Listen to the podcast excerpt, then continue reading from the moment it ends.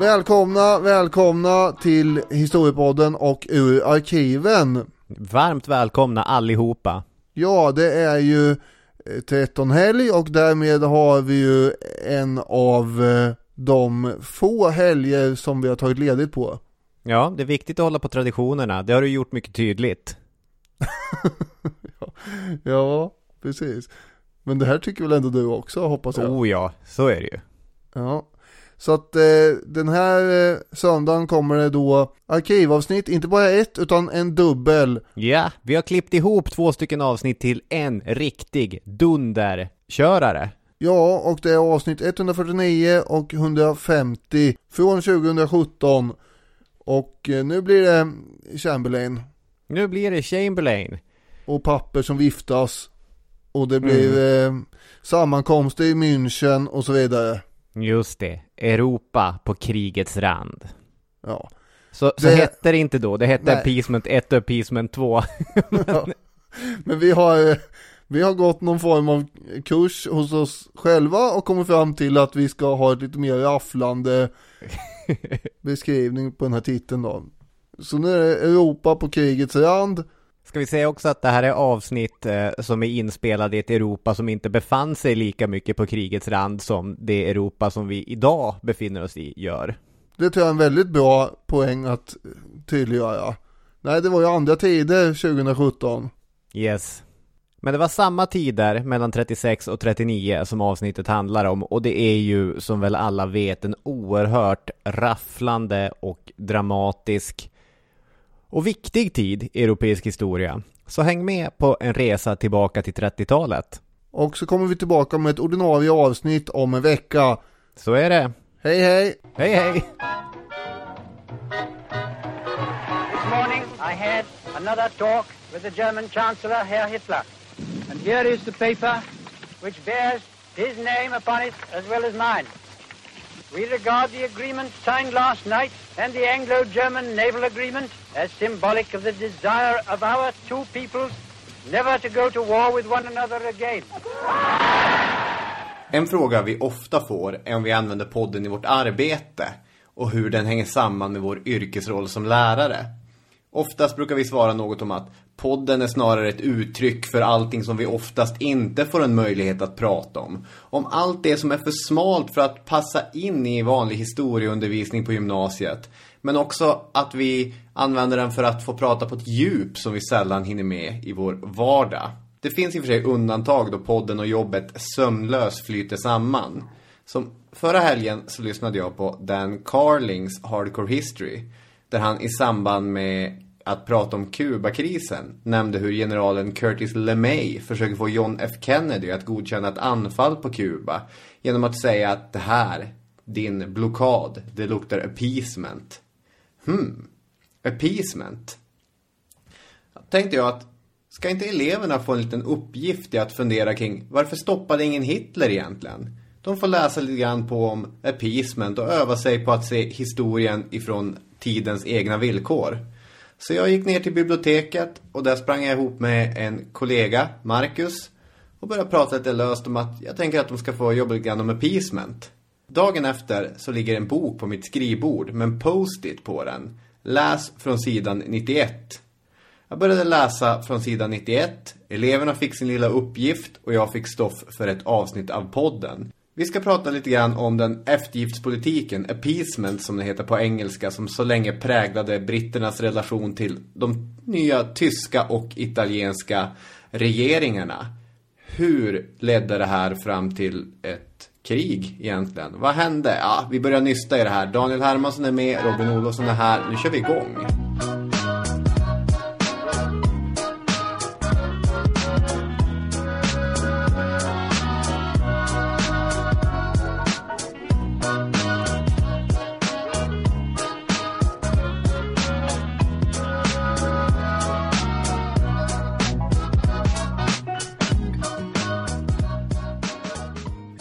Ja, välkomna till Historiepodden. Ett nytt eh, sprakande avsnitt här.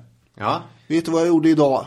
Berätta för mig vad du gjorde idag. Idag pratar jag eh, om appeasement-politik i 70 minuter.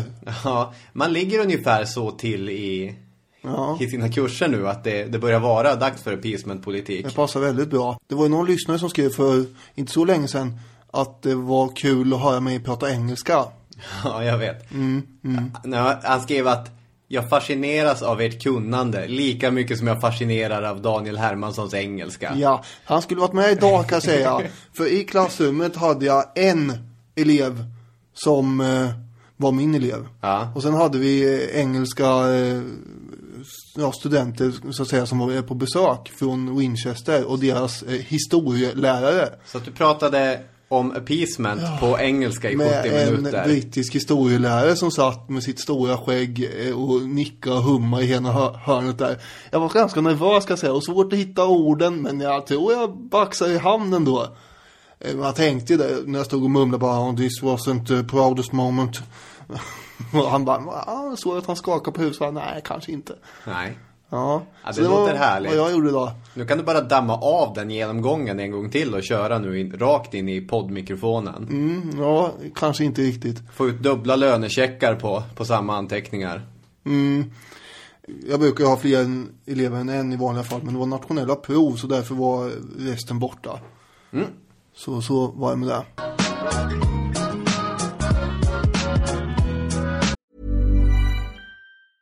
A lot can happen in three years, like a chatbot may be your new best friend. But what won't change? Needing health insurance. United Healthcare Tri Term Medical Plans, underwritten by Golden Rule Insurance Company, offer flexible, budget friendly coverage that lasts nearly three years in some states. Learn more at uh1.com. Even when we're on a budget, we still deserve nice things. Quince is a place to scoop up stunning high-end goods for 50 to 80% less than similar brands. They have buttery soft cashmere sweaters starting at $50, luxurious Italian leather bags, and so much more. Plus, Quince only works with factories that use safe, ethical, and responsible manufacturing. Get the high-end goods you'll love without the high price tag with Quince. Go to quince.com slash style for free shipping and 365-day returns. Many of us have those stubborn pounds that seem impossible to lose, no matter how good we eat or how hard we work out. My solution is PlushCare. PlushCare is a leading telehealth provider with doctors who are there for you day and night to partner with you in your weight loss journey. They can prescribe FDA-approved weight loss medications like Wagovi and Zepbound for those who qualify. Plus, they accept most insurance plans. To get started, visit plushcare.com slash weight loss. That's plushcare.com slash weight loss.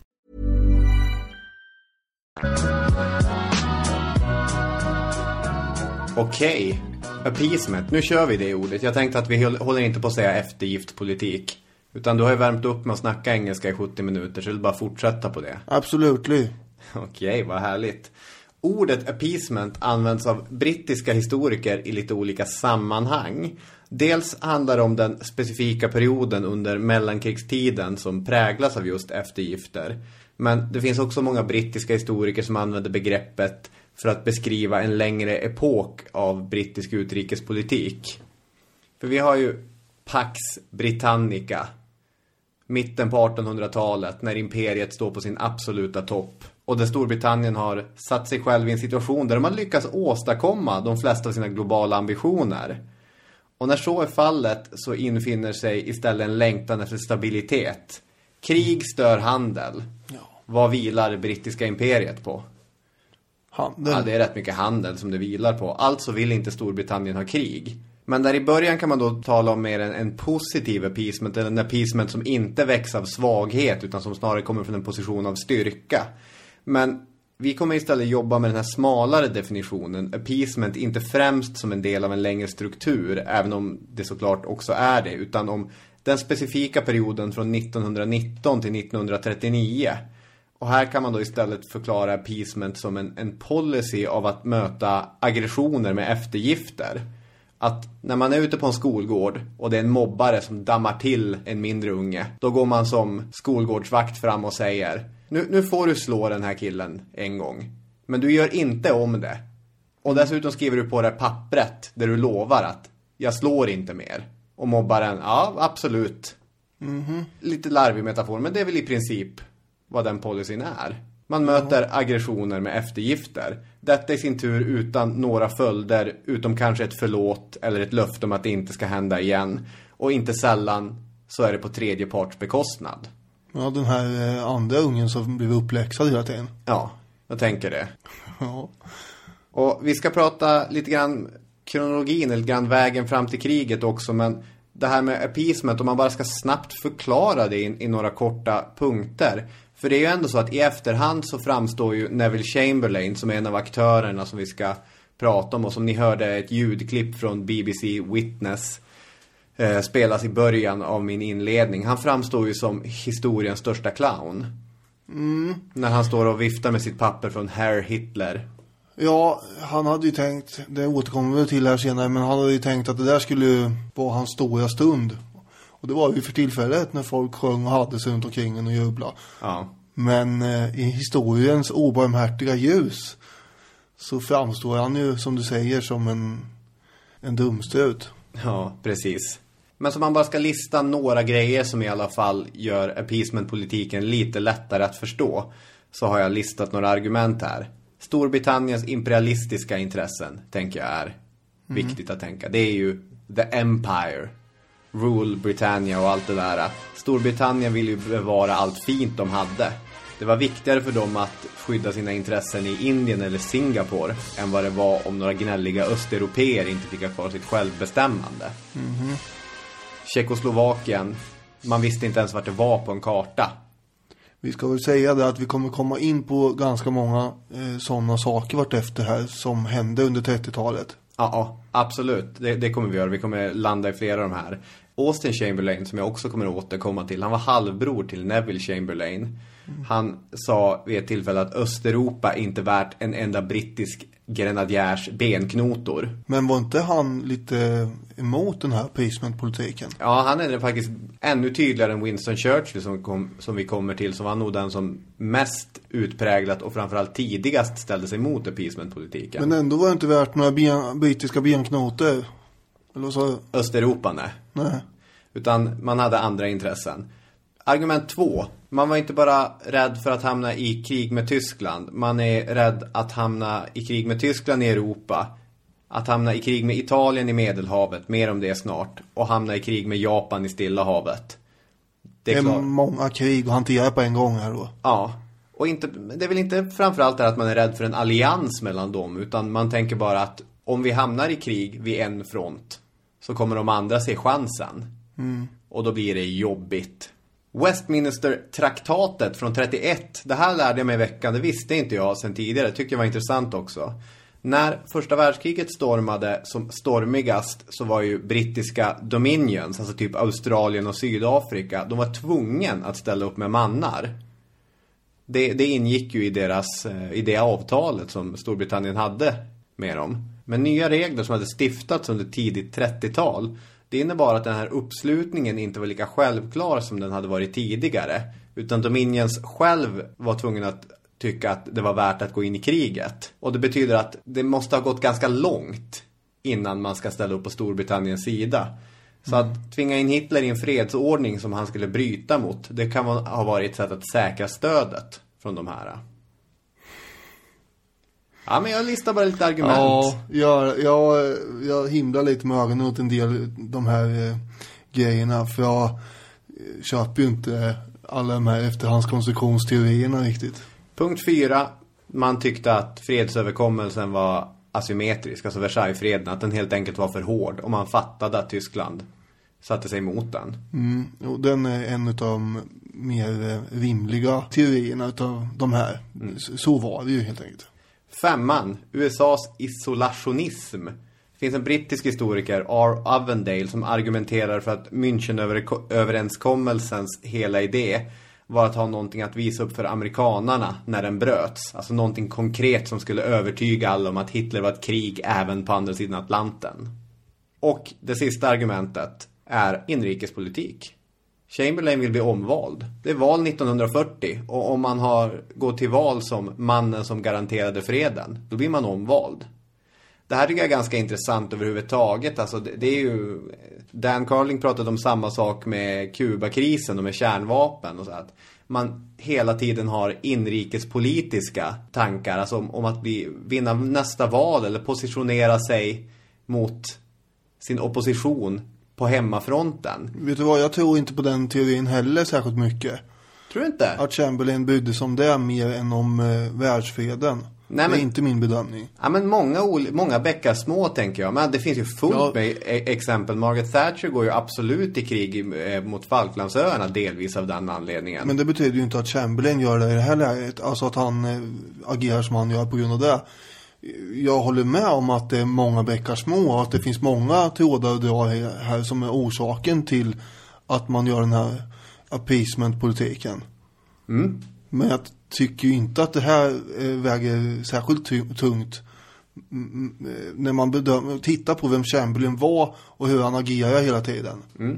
Men där har vi i alla fall de här personerna, olika historiker som har försökt nyansera eftergiftspolitiken. Det är sex vanliga argument som, som läggs fram. Ska vi gå in på någon typ av kronologi eller? Men den grejen du inte tog upp här bland annat var väl eh, krigsrädslan. För det är den jag, Just det.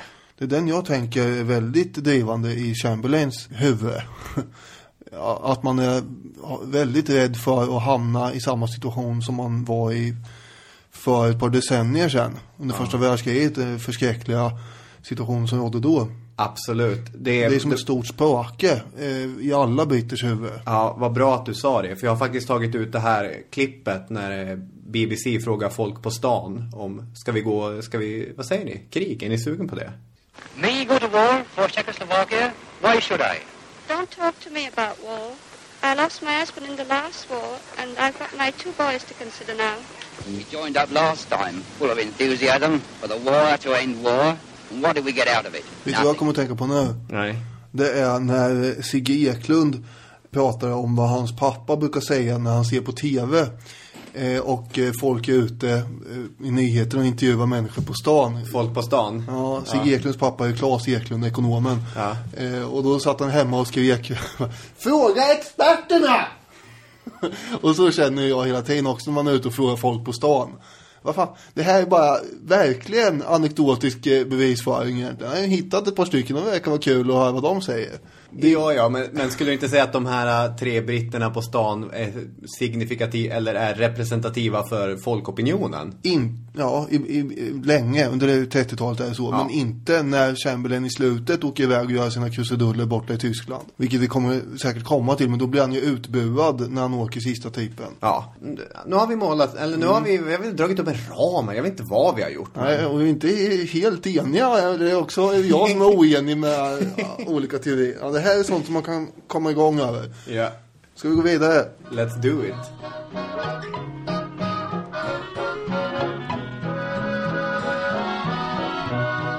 1919 har vi Versaillesfreden och Versaillesfördraget eh, undertecknas. Ja, just det. Enligt det så får Tyskland inte ha mer än 100 000 soldater i sin armé. Hitler och nazisterna tar ju makten 1933. Ja, Då börjar det snart hända grejer. Man börjar helt enkelt att rusta upp i hemlighet. Och eh, man har runt 1934 300 000 man i armén fast man bara får ha 100 000.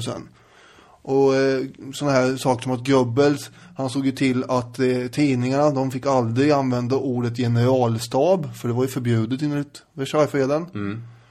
Och eh, det var total sekretess eh, kring det här ubåtsbyggandet. För några ubåtar fick man inte heller ha enligt Versaillesfreden. man fick inte ha flygvapen heller. Nej, och, och det fick man inte nej.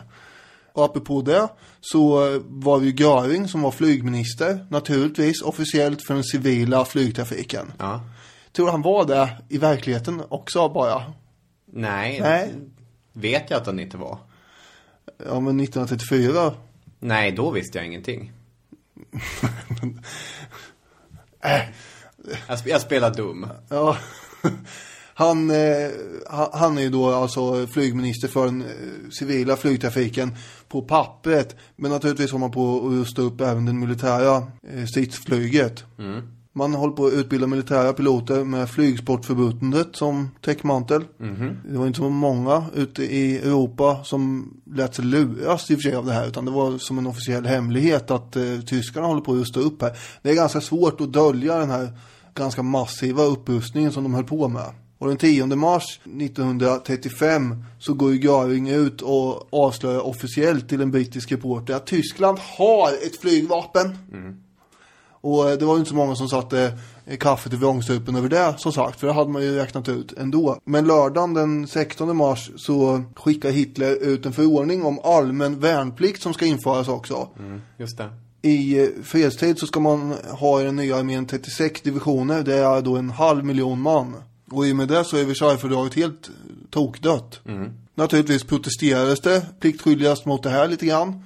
Men eh, britterna de undrar mest om Hitler fortfarande ville ta emot utrikesministern eh, Simon som var på väg. Ja, John Simon.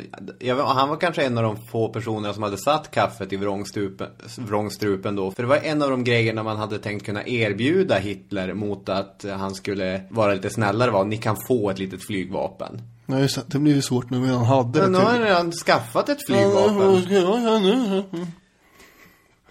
Ja, det går undan här i svängen i alla fall. Eh, för eh, nu har man ju då officiellt klargjort att eh, vi låter oss inte längre bindas av den här Versaillesfreden som var så avskydd bland ganska stora lager i Tyskland ju, av befolkningen. Och på söndagen efter det här så firas att eh, Versaillesfördraget har gått under. Och som sagt, många tyskar som även inte stödde nazistregimen uppfattar det här som en stor framgång. Ja. Av en ren händelse så inföll eh, det här firandet med en minnesdag som heter Hjältarnas minnesdag där olika ceremonier högtidlighåller eh, stupade eh, tyskar i krig.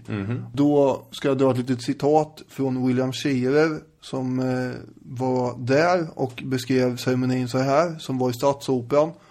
Hela parketten var ett hav av uniformer. Den gamla kejserliga arméns urblekta grå uniformer och pickelhuvor blandade sig med den nya arméns mundering. Och med Luftwaffes himmelsblå uniformer som inte många hade sett tidigare. Bredvid Hitler stod fältmarskalken von Mackensen, den enda överlevande fältmarskalken i kejsarens armé, iförd dödskallehusarernas grannuniform. Starka strålkastare lyste upp scenen där unga officerare stod som marmorstatyer och bar upp landets stridsfanor. Bakom dem hängde ett enormt järnkors i silver och svart mot en jättestor ridå. Det offentliga motivet för ceremonin var att hedra de tyskar som stupat i krig. I själva verket blev det en fest för att fira Versaillesfördragets död och den värnpliktiga tyska arméns återuppståndelse. Man kunde se på generalernas ansiktsuttryck hur belåtna de var.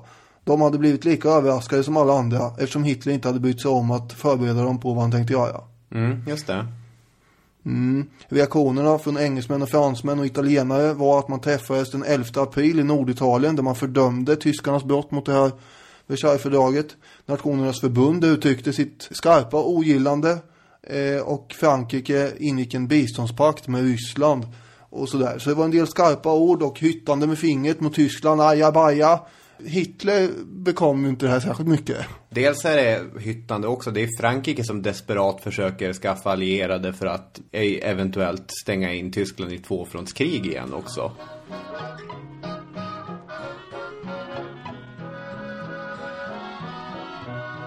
Efter att han hade tagit kål på Versaillesfördraget, eh, Hitler, så förklarade han ju naturligtvis sin genuina fredskärlek eh, återkommande gånger under maj 1935. Ja. Eh, bland annat så säger han eh, Det nationalsocialistiska Tyskland önskar fred på grund av sin djupgående övertygelse. Och det önskar fred också därför att det inser att det enkla och fundamentala faktum att inget krig har möjlighet att förbättra läget i Europa. Den viktigaste följden av alla krig är utplånandet av folkens mest blomstrande del. Tyskland behöver fred och önskar fred, sa han. Och sen kom han med 13 punkter som var väldigt enkla att fatta för folk ute i Europa. Bland annat så skulle han hedra den här icke-angreppspakten med Polen som Tyskland hade. Eh, För han sa att Polen var ett stort och nationalmedvetet folks hem. Och Tyskland hade absolut inget intresse av att blanda sig i Österrikes inre angelägenheter. Oh nej. Och han sa också att Tyskland respekterar att renlandet även i framtiden ska vara en demilitariserad zon. Ja, snyggt. Ja, det där är ett knivigt ord faktiskt. Som du tog på första tagningen också. Ja, eller hur? I ett tal, eh, jag kommer dra en del citat här idag. Eh, den 21 maj så föreslår han i all försonlig anda också att man eh, ska sätta en gräns för den tyska flottans tonnage. Så att den eh, skulle vara bara 35% av den brittiska flottans stridskapacitet. Vad är tonnage? Ja, det är ju ton, hur mycket ett fartyg Alltså vikt. väger. Ja. Eh, Vem som än tänder krigets fackla i Europa kan inte se fram emot något annat än kaos, sa han i det här talet. Men vi lever i den fasta övertygelsen att det inte är västerlandets undergång utan västerlandets pånyttfödelse som vi kommer att få vara med om. Att Tyskland må ge ett oförgängligt bidrag till detta stora verk är vårt stolta hopp och vår orubbliga tro. Och för alla fredstörstande europeer så var det här talet väldigt eh, väl mottaget förstås. Bland annat i England som vi pratar en del om här idag. Så skrev ju Times mycket positivt om det här. De tyckte att det var förnuftigt och klart och tydligt och att det här kunde vara grundvalen för alla tvistefrågor med Tyskland framöver.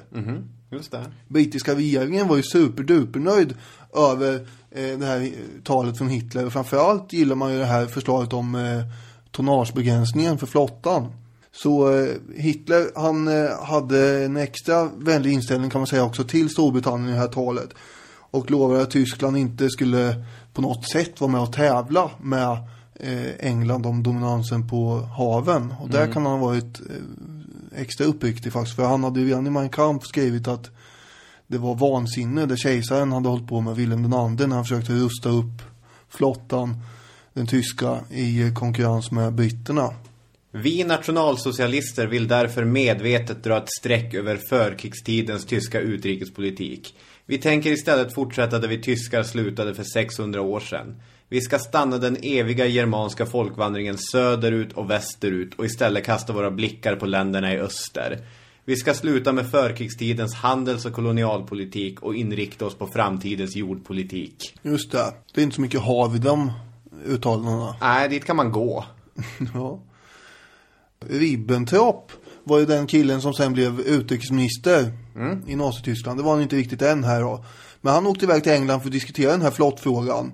Och han var ju som vanligt helt taktlös och eh, arrogant och eh, fullkomligt humorbefriad människa det här. Men han skulle skicka iväg till, eh, till England för att prata flottfrågor. Han kommer dit och säger helt enkelt att jag är inte här för att diskutera. Ni, ni ska bara acceptera. Och det gör ju britterna också, givetvis. Eh, För de gillar ju visserligen det här budet på 35 procent. Ja, just det. Så eh, 35 procent av britternas egen flottkapacitet då. Och utan att rådgöra med några andra länder överhuvudtaget så, eller ta upp det här Nationernas förbund eller någonting så går de alltså med på det här rakt av. Och därmed har ju Tyskland egentligen i princip fria händer att rusta upp sin flotta så snabbt och hårt som produktionen tillåter och till officiellt sett 35% av den brittiska, men man gjorde ju mer förstås. Fem slagskepp eh, hade man fått tillåtelse att göra. Och 21 kryssare, 65 jagare och, och sen har vi den här ubåtsflottan som man rustar upp i en hejdlös takt ju. Det här tolkar ju Mussolini som han vill. Jaha, kan man göra så här? Ja, för vi har ju Mussolini som sitter i Italien också.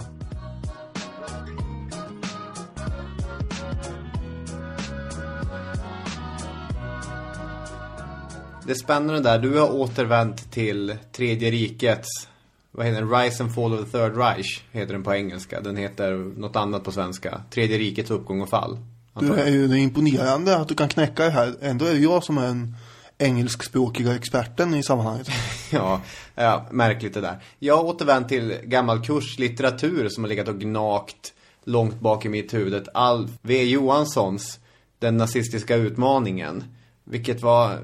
Vi hade en muntlig tenta på den och och jag kommer ihåg att jag tyckte det var fascinerande att läsa redan då för annars har jag aldrig varit så road av andra världskrigs historia som många historieintresserade är. Att det är som knark för dem, man bara vill ha mer. Utan, ja, jag, så här, jag har haft ett sunt ointresse delvis.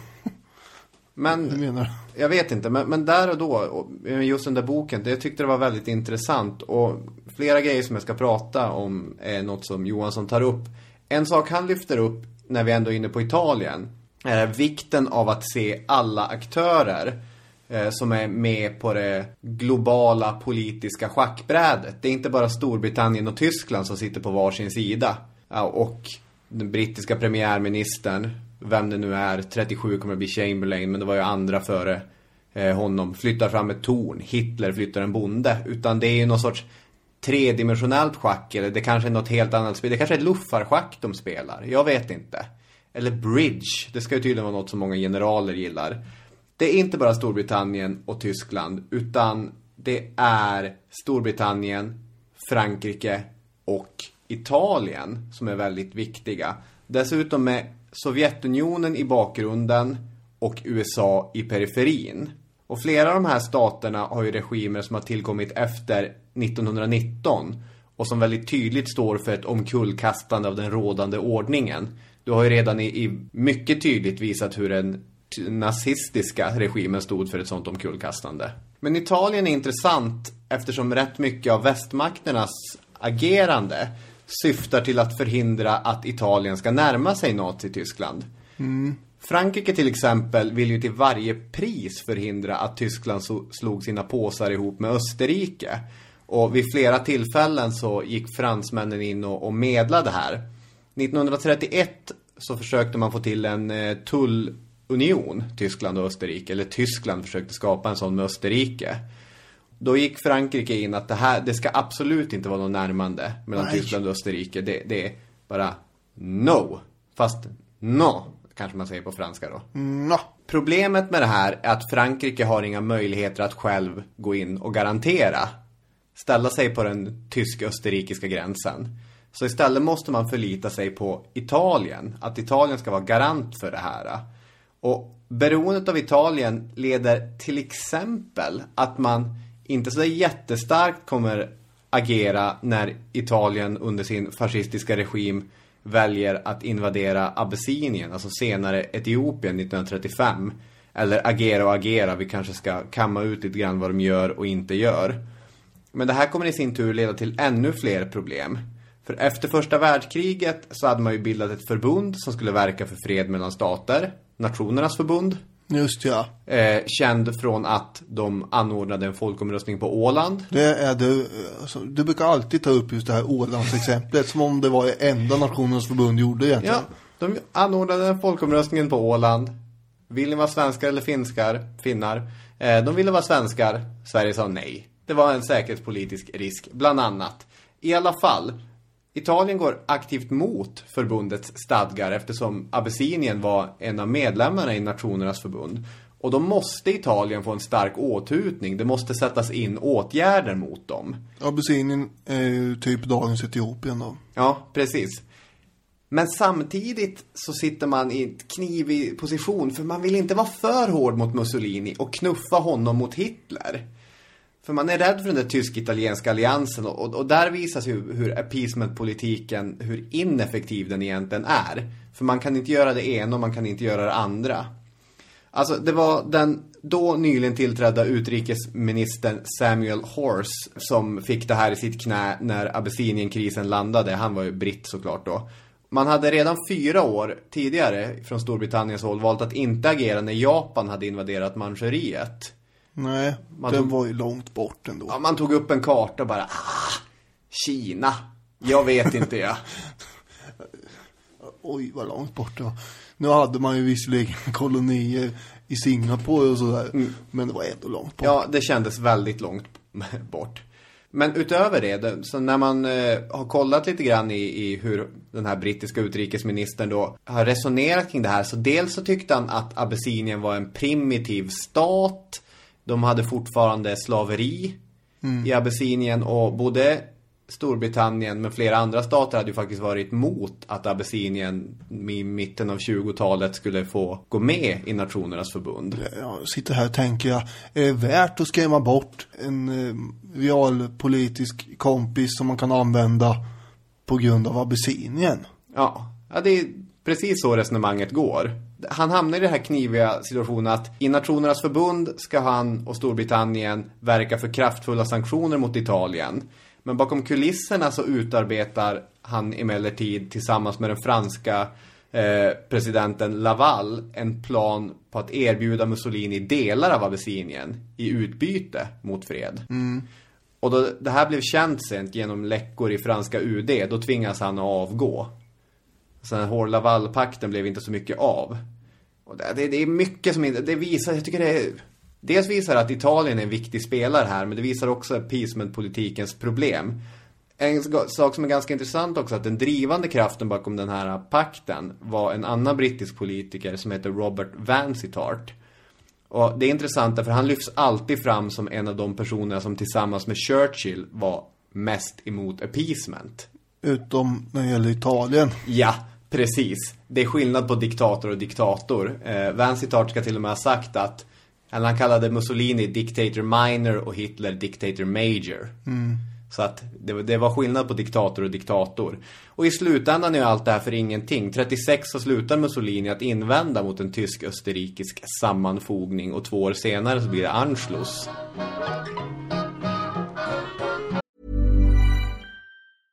Selling a little or a lot? Shopify helps you do your thing however you cha-ching. Shopify is the global commerce platform that helps you sell at every stage of your business. From the launch your online shop stage to the first real life store stage, all the way to the did we just hit a million orders stage. Shopify is there to help you grow. Shopify helps you turn browsers into buyers with the internet's best converting checkout. 36% better on average compared to other leading commerce platforms because businesses that grow grow with Shopify. Get a $1 per month trial period at Shopify.com slash work. Shopify.com slash work.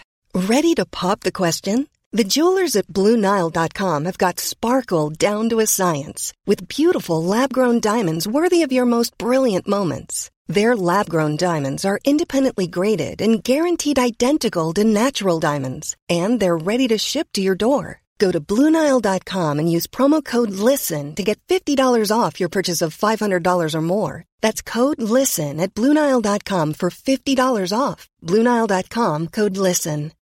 Millions of people have lost weight with personalized plans from Noom, like Evan, who can't stand salads and still lost 50 pounds. Salads, generally, for most people, are the easy button, right? For me, that wasn't an option. I never really was a salad guy. That's just not who I am. But Noom worked for me. Get your personalized plan today at Noom.com. Real Noom user compensated to provide their story. In four weeks, the typical Noom user can expect to lose one to two pounds per week. Individual results may vary.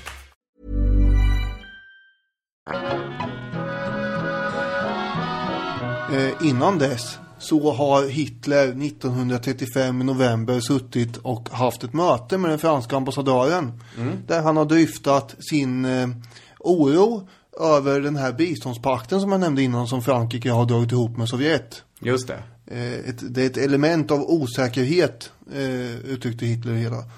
Och ambassadören skrev tillbaka till Paris redan på hösten eh, 35 där att han var säker på att Hitler tänkte använda den fransk-ryska biståndspakten som svepskäl för att skicka in trupper i det demilitariserade renlandet. Mm.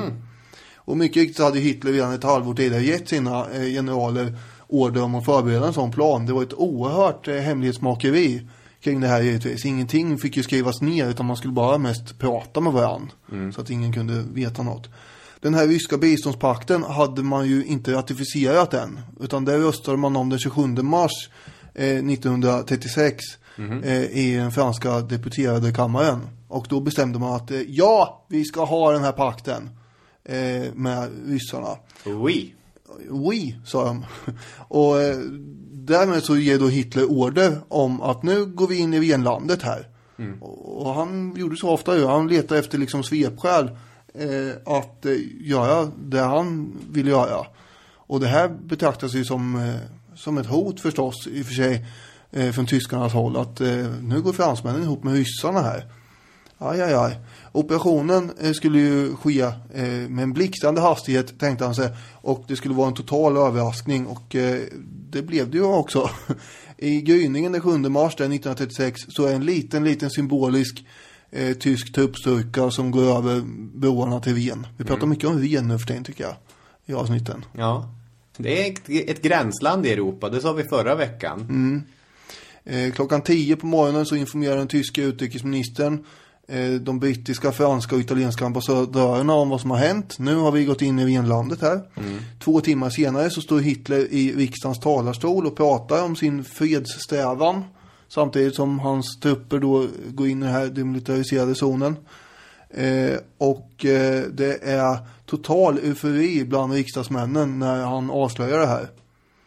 Då tar vi ett citat till från Scherer som var på plats även den dagen eh, och beskriver de eh, tyska riksdagsmännen som då uteslutande är eh, nazister. Då.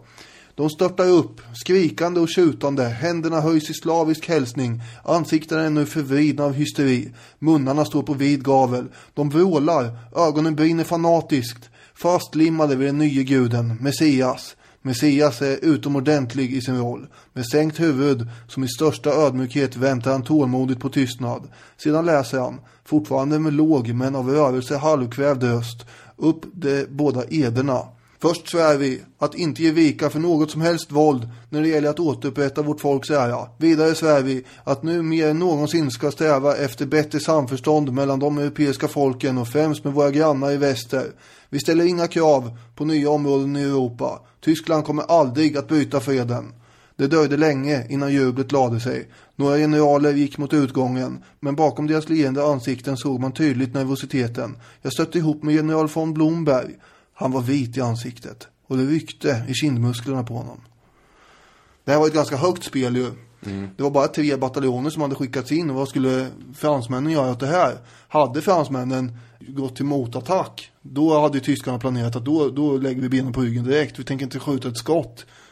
Vi ska komma ihåg att eh, fransmännen har ju eh, en kolossal massa mer divisioner än vad tyskarna har 1936. Ja, det, situationen är ju så att Britterna till exempel har inte rustat upp, men fransmännen har ju rustat upp mm. ordentligt. I och för sig så är det väl framförallt för en ganska defensiv krigsföring. Det är den här omtalade Maginot-linjen mm. som de har byggt upp som kommer misslyckas sen när kriget väl bryter ut katastrofalt. Men fransmännen eh, gör ju ingenting åt det här. Vad man gör är att placera ut 13 divisioner längs den här gränsen, Maginot-linjen. Eh, ja, eh. men för det jag hade tänkt säga också att det här ingången eller intrånget i, i renlandet. I den typen av historieskrivning som framförallt Winston Churchill kommer börja presentera 1948. Då ses ju det här som den misslyckade chansen att här borde nazisterna ha stoppats. Ja, så är det. Och eh, det sa i princip Hitler med. Han sa ju så här att de 48 timmarna efter intåget i Venlandet var de mest nervösa i hela mitt liv. Om fransmännen då hade marscherat in i Venlandet skulle vi ha blivit tvingade att dra oss tillbaka med svansen mellan benen. För de militära resurserna som stod till vårt förfogande skulle inte ha räckt till ens för motstånd i blygsam skala. Och det sa han ju runt 1942 då. Eh, några år senare när förhållandena var helt omkastade. Mm den franska utrikesministern, han åkte ändå till England för att försöka be om brittiskt stöd för att kanske göra, möta det här på något ja. sätt. Men britterna var ju inte ett dugg intresserade av det. För när allt kommer omkring så går ju tyskarna bara in på sin egen bakgård, sa man. Ja. Och jag menar, det räknade väl Hitler och tyskarna kallt med att fransmännen skulle inte våga agera utan britterna? Mm, åtminstone räknade Hitler kallt med allt det här. Ja. Han hade ju generaler som inte var eh, riktigt lika tvärsäkra på hur det skulle gå i politiken. Mm. Men eh, den här lilla manövern och skicka in de här trupperna i Venlandet får ju ganska stora konsekvenser på det här sättet att Hitlers popularitet ökar ju dramatiskt. Eh, och eh, hans kontroll över generalerna ökar också för de hade ju varit eh, skeptiska till det här. Hans förståelse som sagt för utrikespolitiken och vad man kunde göra och inte göra visade sig ju vara starkare än deras förståelse. Mm. En annan sak som man kan fälla in är ju att om inte Frankrike, som alltså hade hundra divisioner ungefär, eh, tänkte vara beslutsamma nog att slå tillbaka tre ynka bataljoner. Hur skulle då de östeuropeiska länderna kunna räkna med att Frankrike skulle göra någonting åt saken i ett annat skede? Mm. En enklare seger än så här hade de inte kunnat få någon gång. Mm. Det. det här är ju det är förlorad möjlighet. There's a stately gentleman we love so they're right about in history Kings we can't forget because we all know How he fought for peace and liberty God bless you, Mr. Chamberlain We're all mighty proud of you You look swell holding your umbrella All the world love's a wonderful feller, so carry on Mr. Chamberlain. You know we're all with you. And when we shout, God bless you, Mr. Chamberlain, our hats go up to you. Come everybody! God bless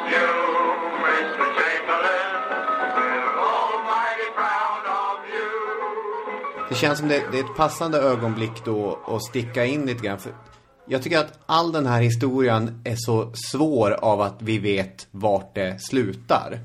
Alltså det är så lätt att kolla på inmarschen i renlandet och bara tycka att de är, att de är korkade.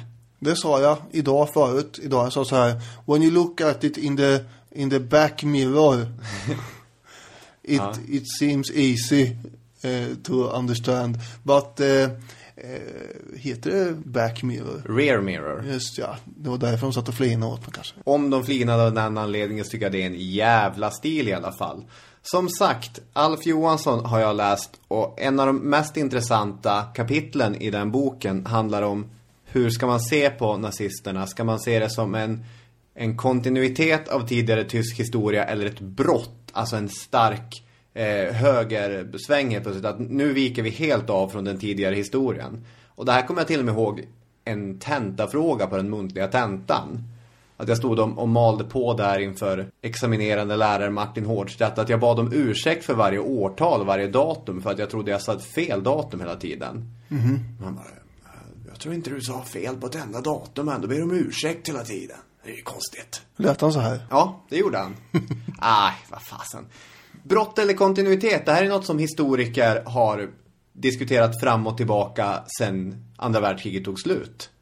Hur ska man förhålla sig till nazisterna egentligen? Och ett sätt har varit att dra en rak linje mellan Martin Luther och Adolf Hitler. Alltså att det är en kontinuerlig tysk historisk utveckling.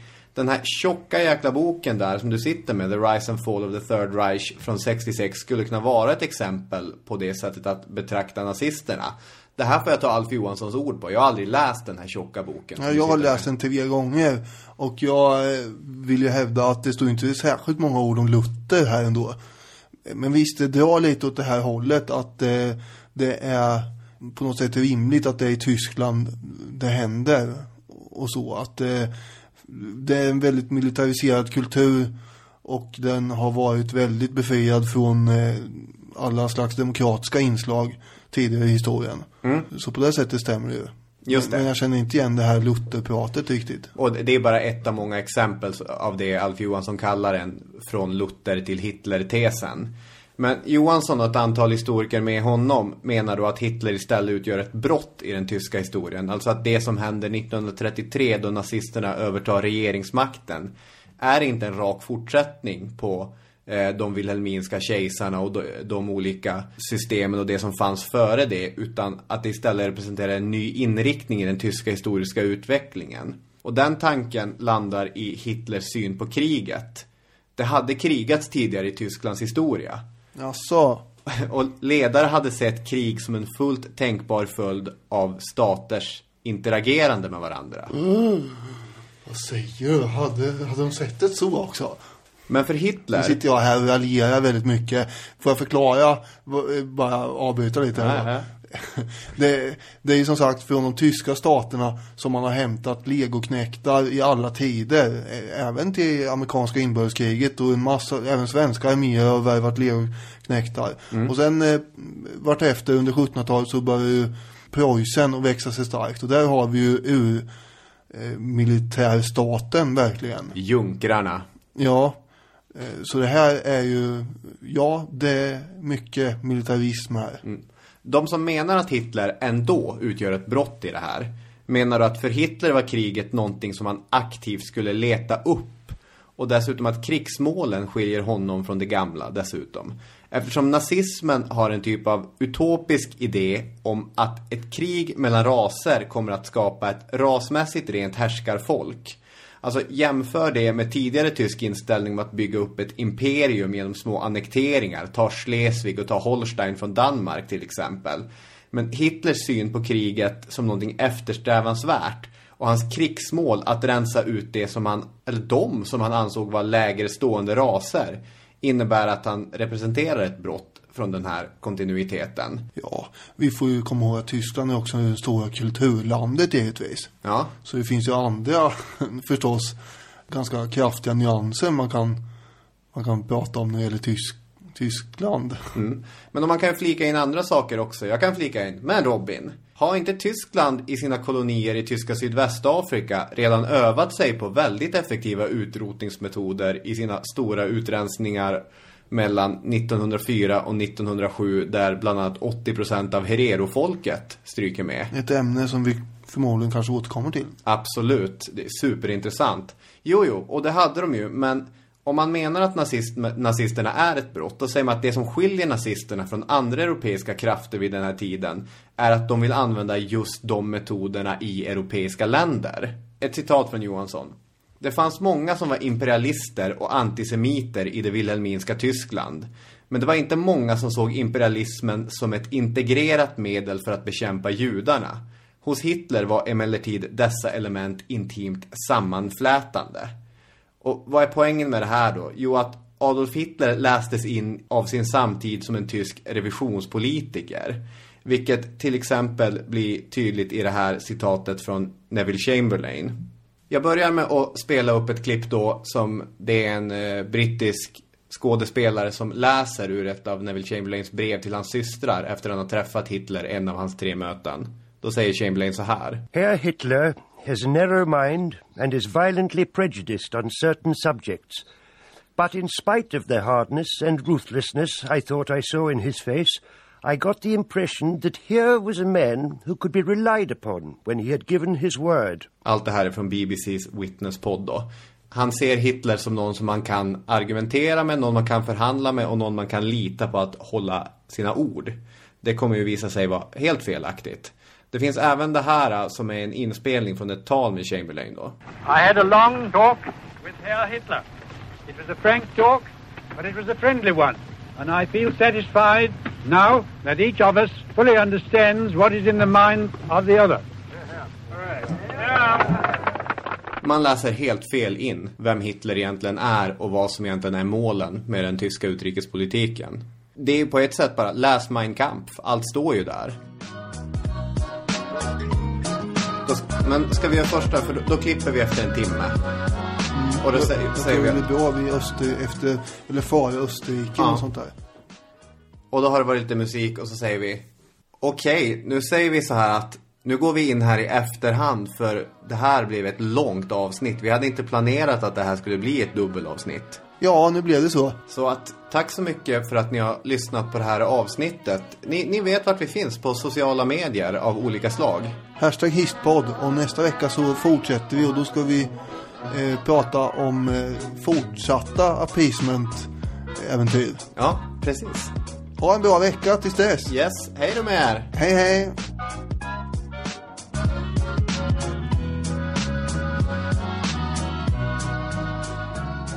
Ytterligare eh, appeasement kommer ju att uppstå. 1938 är ju mycket som händer. Mm, verkligen. För det första så eh, sker ju Anschluss, det vill säga ihopslagandet av Österrike och eh, Tyskland. Mm. Någonting som absolut inte skulle hända, hade både Hitler sagt och även eh, de andra. Eh, Som du var inne på, Frankrike vill inte ens låta dem ha en tullunion. Nej. Nu sitter de ihop. Därmed har ju då Hitler sammanfogat ytterligare 7 miljoner nya eh, tyska medborgare till, till det här riket. Dessutom blir det här en inköpsport kan man säga till Sydösteuropa. Där man också kommer att hålla på och ja det blir enklare att ge sig ner där och härja sen. Ja, verkligen. Har Österrike. Chamberlain i eh, ett tal i underhuset för att kommentera på det här. Eh, han pratade om att Anschluss var visserligen ett fullbordat faktum. Eh, men så sa han också att den bittra sanningen är att ingenting hade kunnat hejda det som nu har hänt om inte vårt land och andra länder hade varit beredda att gripa till vapen. Och det är väl sant också? Ja, och det var man ju inte uppenbarligen. Chamberlain, 37 blev han premiärminister, men han hade ju suttit i regeringen hela tiden. Från 1931 så är han finansminister. Och de som tycker om att ge honom lite pikar och ösa skit på honom säger att han är en av anledningarna till att det var en så långsam upprustning. Han vill inte skjuta till pengar till det. Nej. Hitler, han fick ju direktrapporter om det här talet i underhuset. Han fick veta att han behövde inte oroa sig. För här stod den brittiske premiärministern och sa att eh, det här ska vi inte göra så mycket åt. Eh, Sovjet eh, senare då föreslog ju någon form av konferens mellan olika utvalda länder för att diskutera hur man skulle stoppa fortsatt tysk aggression. Mhm. Eh, vad tyckte Chamberlain om sånt här, tror du? Förslag från Sovjetunionen. Jag tänker att en konservativ brittisk politiker inte vill jobba med Sovjetunionen. Ja, eh, det kan man väl sammanfatta det hela som. Mm. Han var inte jättepigg på det. Dessutom så tyckte han att det skulle vara olyckligt att bilda slutna grupper av länder. Och tänkte inte på att eh, Tyskland och Italien och Japan hade höll på att fixa en sån grej redan. Nej, just det. I ett annat tal ett par veckor senare så förklarade premiärministern att eh, Storbritannien inte ansåg sig förpliktigat att rycka in eh, till Tjeckoslovakiens försvar om de angreps. Nej. Vilket är en intressant eh, uttalande eftersom det kommer bli väldigt relevant här framöver. Mm. Dessutom, vilket är ännu mer intressant, så säger han också att de inte heller förpliktigade att rycka in till Frankrikes hjälp om Frankrike uppfyller sina krav gentemot Tjeckoslovakien. För de hade ju ett avtal med Tjeckoslovakien. Eh, och allt det här var ju väldigt goda nyheter för Hitler förstås. Där står den brittiske premiärministern och säger att vi tänker inte göra ditten och vi tänker inte göra datten. Så eh, han blir väldigt uppmuntrad av det här. Och då kommer vi till Sudetområdet. Sudetenland. Sudetenland.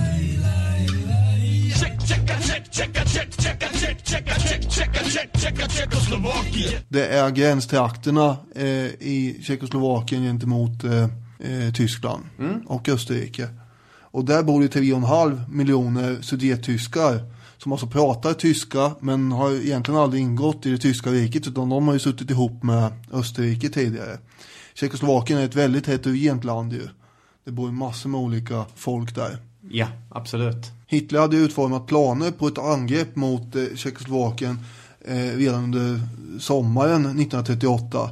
Eh, men de tyska generalerna var ju väldigt oroade inför det här. För de ansåg att den här västvallen, det vill säga gränsen mot Frankrike, den var ju alldeles för svag. Om man skulle angripa Tjeckoslovakien och Frankrike skulle komma till tjeckernas hjälp, Mm. då skulle ju allt gå åt skogen. Eh, den ansvariga generalen, som hette Wilhelm Adam, han lyckades få till en enskild en pratstund med Hitler i en bil.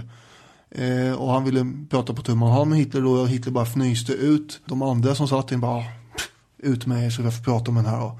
Och då förklarar den här Adam att eh, vi kommer inte kunna försvara den här västvallen om fransmännen kommer för att liksom anfalla oss i väster. Och då bara skrek Hitler att den som inte kan försvara de här befästningarna är en fähund! Och eh, så där fick han en avsnäsning då. Hitler tänkte inte tillåta att eh, någon dåligt byggd västvall skulle stoppa hans tjeckoslovakiska planer här. Times skrev den 7 september 1938 att den tjeckoslovakiska regeringen skulle göra klokt i att överväga om den helt bör avstå från den på vissa håll stödda planen att göra Tjeckoslovakien till en mer homogen stat genom att släppa ifrån sig det område med utländsk befolkning som gränsar till den nation med vilken det förenas av blodsband. Det är tänkbart att fördelarna av Tjeckoslovakien blir en homogen stat kan uppväga de i ögonen fallande nackdelarna av att förlora det sudettyska området längs gränsen. Och enligt rykten så var det här den uppfattning som även den brittiska regeringen hade, att det kanske vore bäst om de bara släppte det där. Mm. Just det. Och under tiden så tilltar oroligheterna i Sudetlandet, i de här gränstrakterna. Det är en ganska uppiskad stämning i Europa och i Tjeckoslovakien i synnerhet förstås. Eh, under september 1938 så börjar landets judar flockas kring flygplatserna och vill åka därifrån. Gasmasker delas ut till befolkningen. I Paris så har regeringen nästan paniktillstånd. Eh, och Chamberlain han planerar att rädda freden här nu med vilka medel som helst. Och till början med så tänker han att jag måste ju träffa den här Hitler. Ja. Hur ska man eh, bete sig då? Han är ungefär som Dennis Bergkamp här. Han gillar ju inte att fotbollsspela och flyga. Nej, precis. Eller som Stanley Kubrick, filmregissören som hellre byggde upp en Vietnamdjungel i, på, eh, någonstans i England än att flyga till Vietnam när han skulle göra Full Mm. Metal Jacket. Var inte Muhammad Ali också som inte heller gillar att flyga? Ja, det är möjligt. Det är, många du som har sagt det, tar jag för mig. Jaha, ja, men i så fall, kommer det från en sån säker källa så kan jag inte Eller tänka var det mig. åka båt han inte vill göra? Nej, det var nog flyga. Ja. Ja, vi har flera exempel i alla fall. Nej, den här skytteldiplomatin som Chamberlain kommer ägna sig åt nu, det är någonting ganska unikt. Det gjorde man inte så mycket och första gången som han flyger till Tyskland, det är andra gången i sitt liv han sätter sig på ett plan. Ja, okej. Jag trodde det var första gången. And then a gasp of amazement and satisfaction runs round the world. the Prime Minister decides to fly to a personal meeting with the German Chancellor. The tension eases, as if the world had suddenly seen a gleam of hope in the darkness of despair.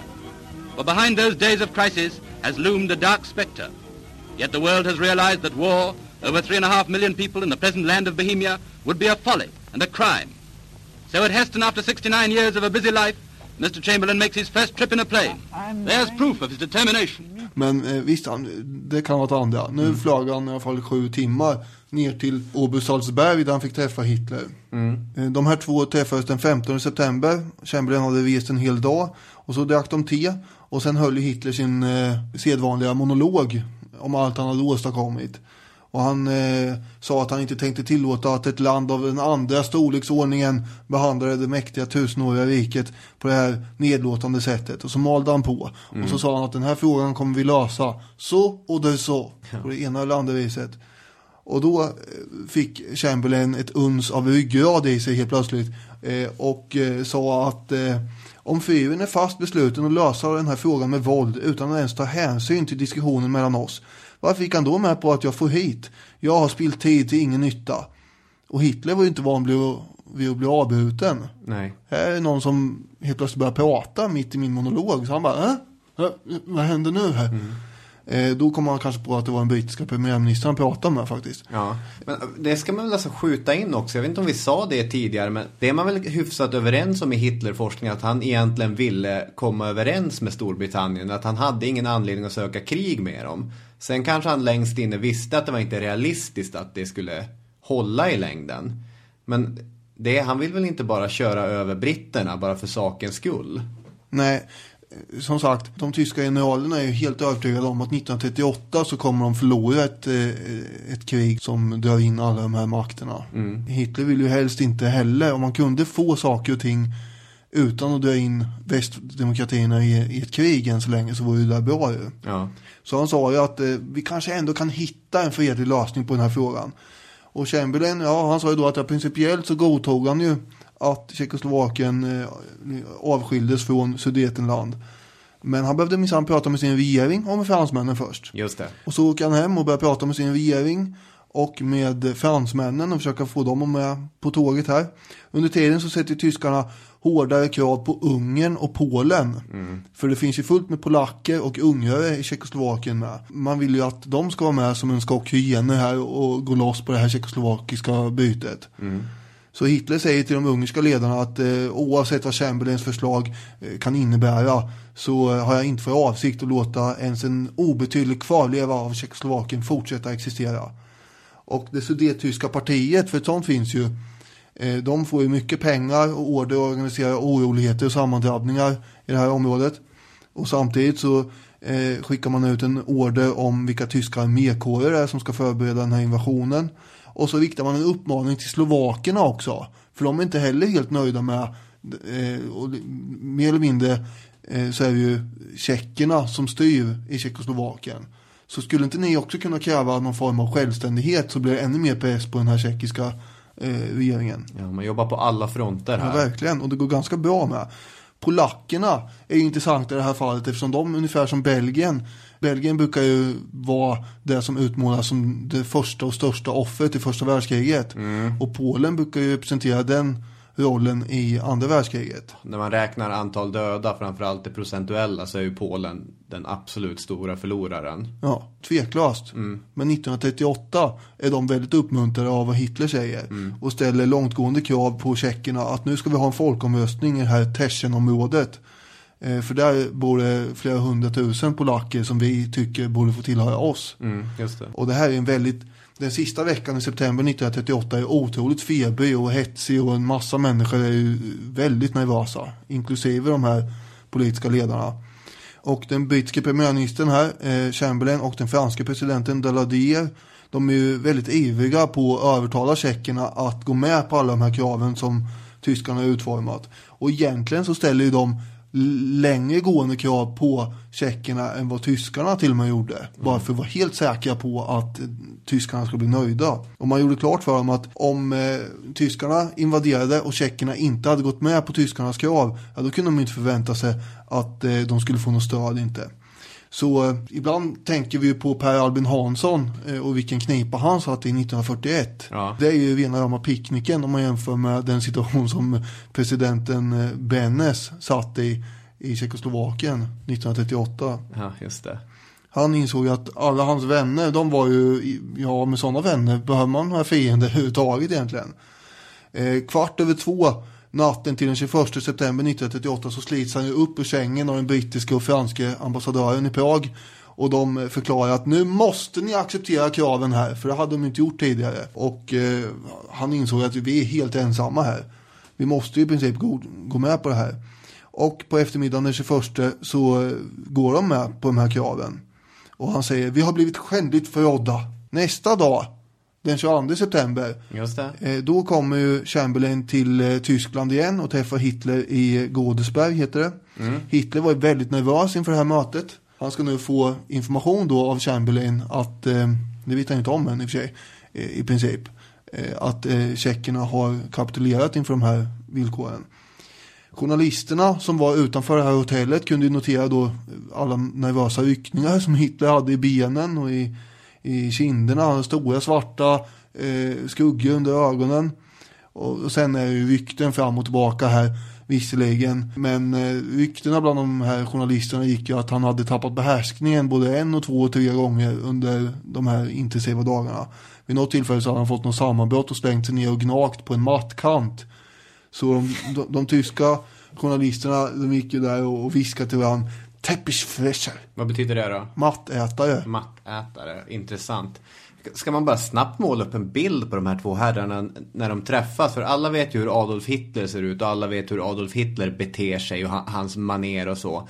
Men sen har vi honom bredvid Neville Chamberlain som är en lång brittisk, alltså konservativ politiker. Han har lite aristokratiskt utseende, stora, ledsna men ganska vackra ögon, lång rak näsa och en riktigt så här prålig mustasch. Han ser ut som en brittisk gentleman. Han ser ut som en uggla, säger Schiller. Ja. Med hans ugglelika ansikte. Ja, lite grann kanske. Ja, hur som helst så kan man ju konstatera också att eh, de flesta ledare och ambassadörer och diplomater hade ju ganska hög puls under de här dagarna. Chamberlain dock, han var på ganska gott humör när han skulle träffa Hitler eh, den här dagen. För nu eh, så kom han ju med allt det Hitler hade begärt tidigare i Obersalzberg vid första mötet. Och när han åker längs vägen där så vajar det hakkorsflaggor och Union Jack-flaggor om vartannat. Just det. Och eh, han är väldigt nöjd här. Så sätter de sig ner. Premiärministern presenterar alla de här uppgifterna som ska glädja fy- fyren och rädda världsfreden. Och eh, han, nu är det Chamberlain som får börja prata. Han pratar mycket. Han förklarar att det här är glada nyheter. Tjeckerna har accepterat alla de här långtgående kraven. Till och med mer än vad ni ställde på dem och sådär. Eh, och det här avtalet eh, som eh, de har haft tidigare med Frankrike och Ryssland. Det ska inte gälla heller längre. Utan nu är det en internationell garanti som ska råda. Och eh, då skriver Schiever så här. Allt detta tycktes så enkelt, så resonligt och logiskt för denne fredsälskande brittiska affärsman som hade blivit premiärminister. Han hejdade sig utan att försöka dölja hur nöjd han var med sig själv efter vad ett ögonvittne berättar och väntade på Hitlers reaktion.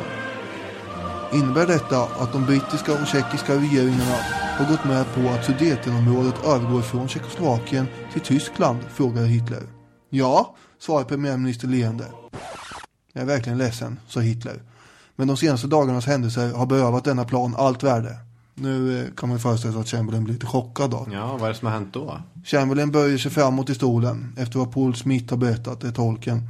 Hans ugglelika ansikte rodnade av överraskning och vrede. Men förmodligen inte av bitterhet över att Hitler hade fört honom bakom ljuset. Att Hitler som en simpel utpressare som höll på att höja sina krav i samma ögonblick som de presenterades. Premiärministern skildrade senare sina känslor i det ögonblicket för underhuset några dagar senare. Jag vill inte att underhuset ska tro att Hitler avsiktligt bedrog mig. Det tror jag inte en sekund. Men jag hade personligen väntat mig att jag, när jag kom tillbaka till Godesberg, helt lugnt skulle diskutera med honom de förslag jag hade haft med mig. Och det blev ett verkligt slag för mig när jag upplystes om att dessa förslag inte kunde godtas.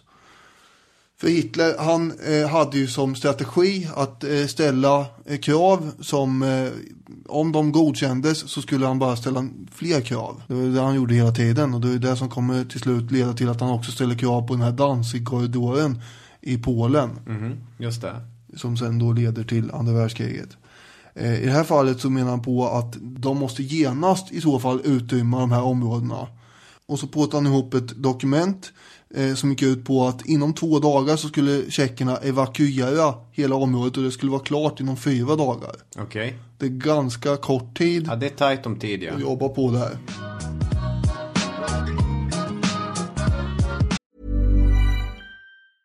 Even when we're on a budget, we still deserve nice things.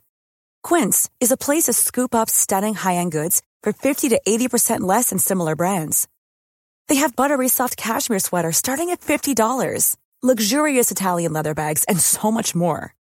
Plus, Quince only works with factories that use safe, ethical, and responsible manufacturing. Get the high-end goods you'll love without the high price tag with Quince. Go to quince.com slash style for free shipping and 365-day returns.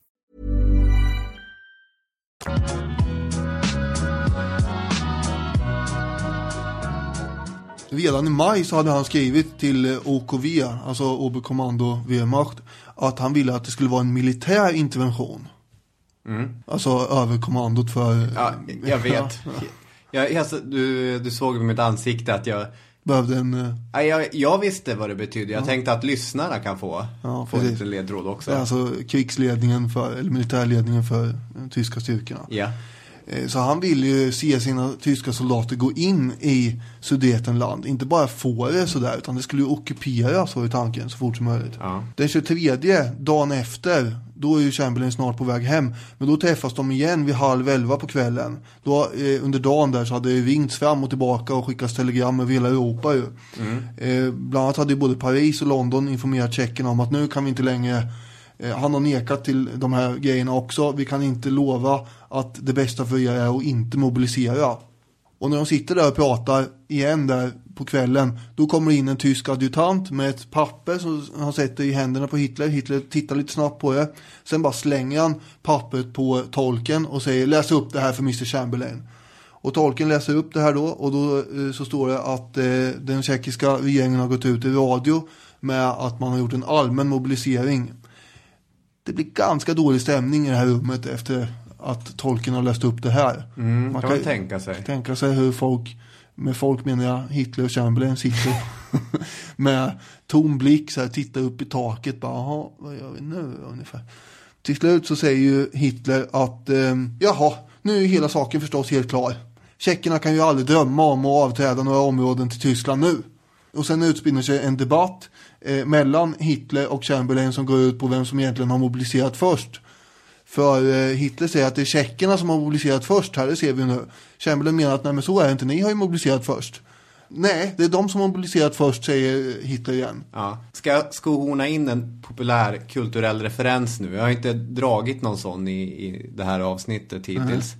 Och det är ju att det finns en liknande debatt gällande den första Star Wars-filmen. Du vet, när man går in på en kantina där och första gången de träffar Han Solo. Så skjuter ju Han Solo en utomjording. Men då har ju George Lucas i efterhand börjat mena att det var inte Han Solo som drog först. Det var utomjordingen som drog först. Självklart, Men i de första, alltså i originalklippningen så är det inte så. säger du ja. Ja, men det säger jag och hela internet. Han drew first. Så att det finns, Okej det finns sådana debatter. Vem mobiliserade först? Vem sköt först? Men det är lite, min pappa är starkare än din pappa. Ja, dels, ja men framförallt så här. Det var din pappa som satte upp en, en stor parabolantenn som satte skugga på vår altan först. Nej, det var din pappa som började rasta hunden på vår gård då. Ja, de håller på att käbbla lite om det här eh, en del ett tag fram och tillbaka tills Chamberlain eh, hotar med att bara åka hem och säga att eh, här kommer vi ingen vart. Ja, det är alltid en- bra strategi. Ja, och han har ju sådana stunder alltså när han inser att nu kommer jag inte längre med den här karln. Nej. Eh, och så fort han, han liksom sätter ner foten lite grann och säger nej nu, nu funkar inte det här längre.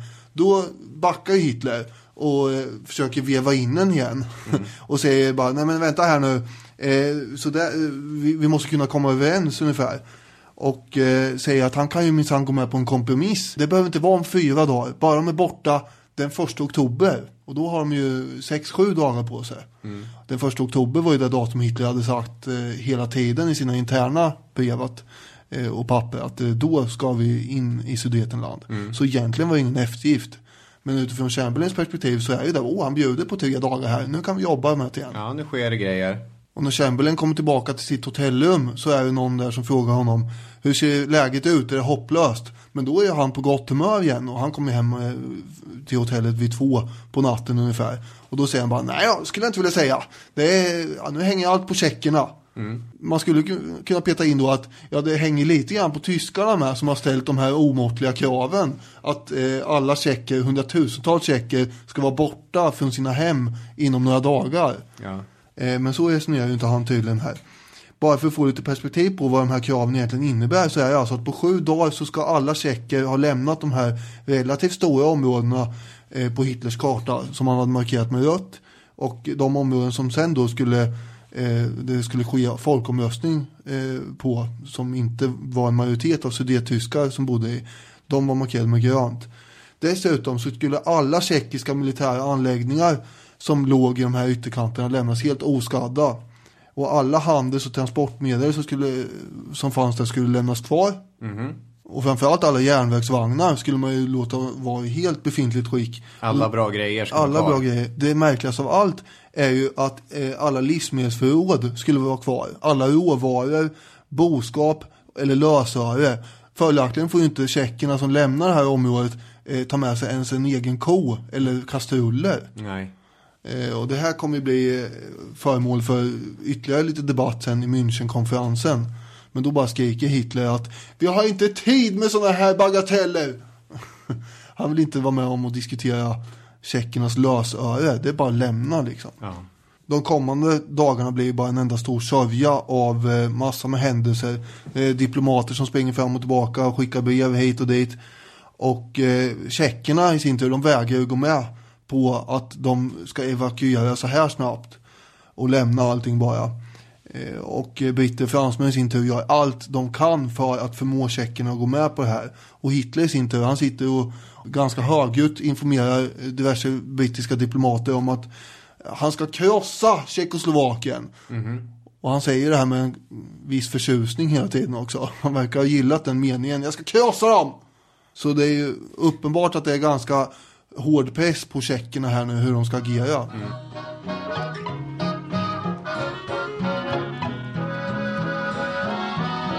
How horrible, fantastic, incredible it is that we should be digging trenches and trying on gas masks here because of a quarrel in a faraway country between people of whom we know nothing.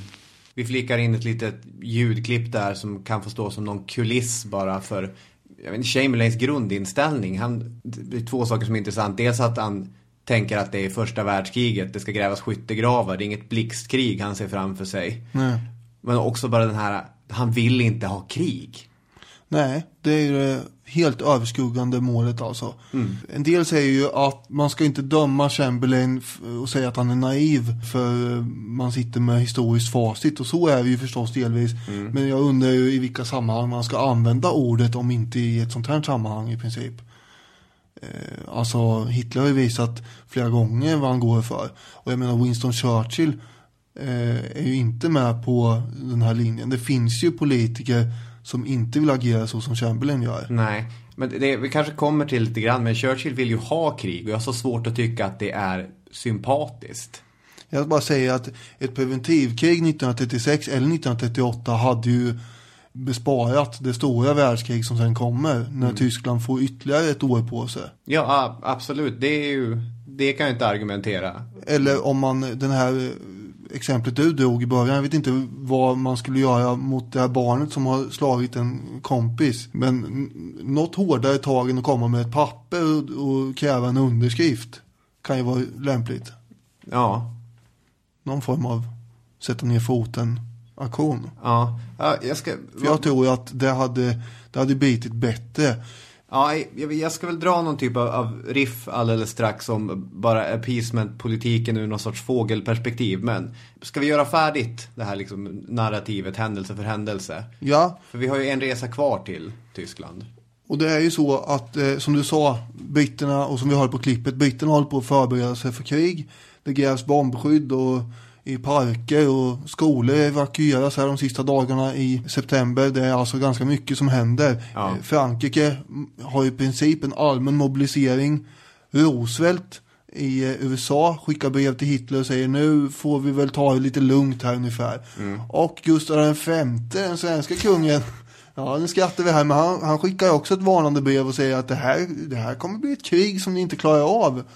Eh, jag vet inte hur mycket Skulle ha lyssnat på V-snurran. eh, skulle man kanske gjort här. Rumänien och Jugoslavien informerar Ungern om att eh, de avser att anfalla Ungern om de angriper Tjeckoslovakien och då har i så fall kriget spridit sig till Balkan. Ja. Och det var ingenting Hitler egentligen ville heller. Nej, men det kommer det göra. Slutligen så har ju Hitler också anordnat en militärparad här under de senaste dagarna i, i eh, september.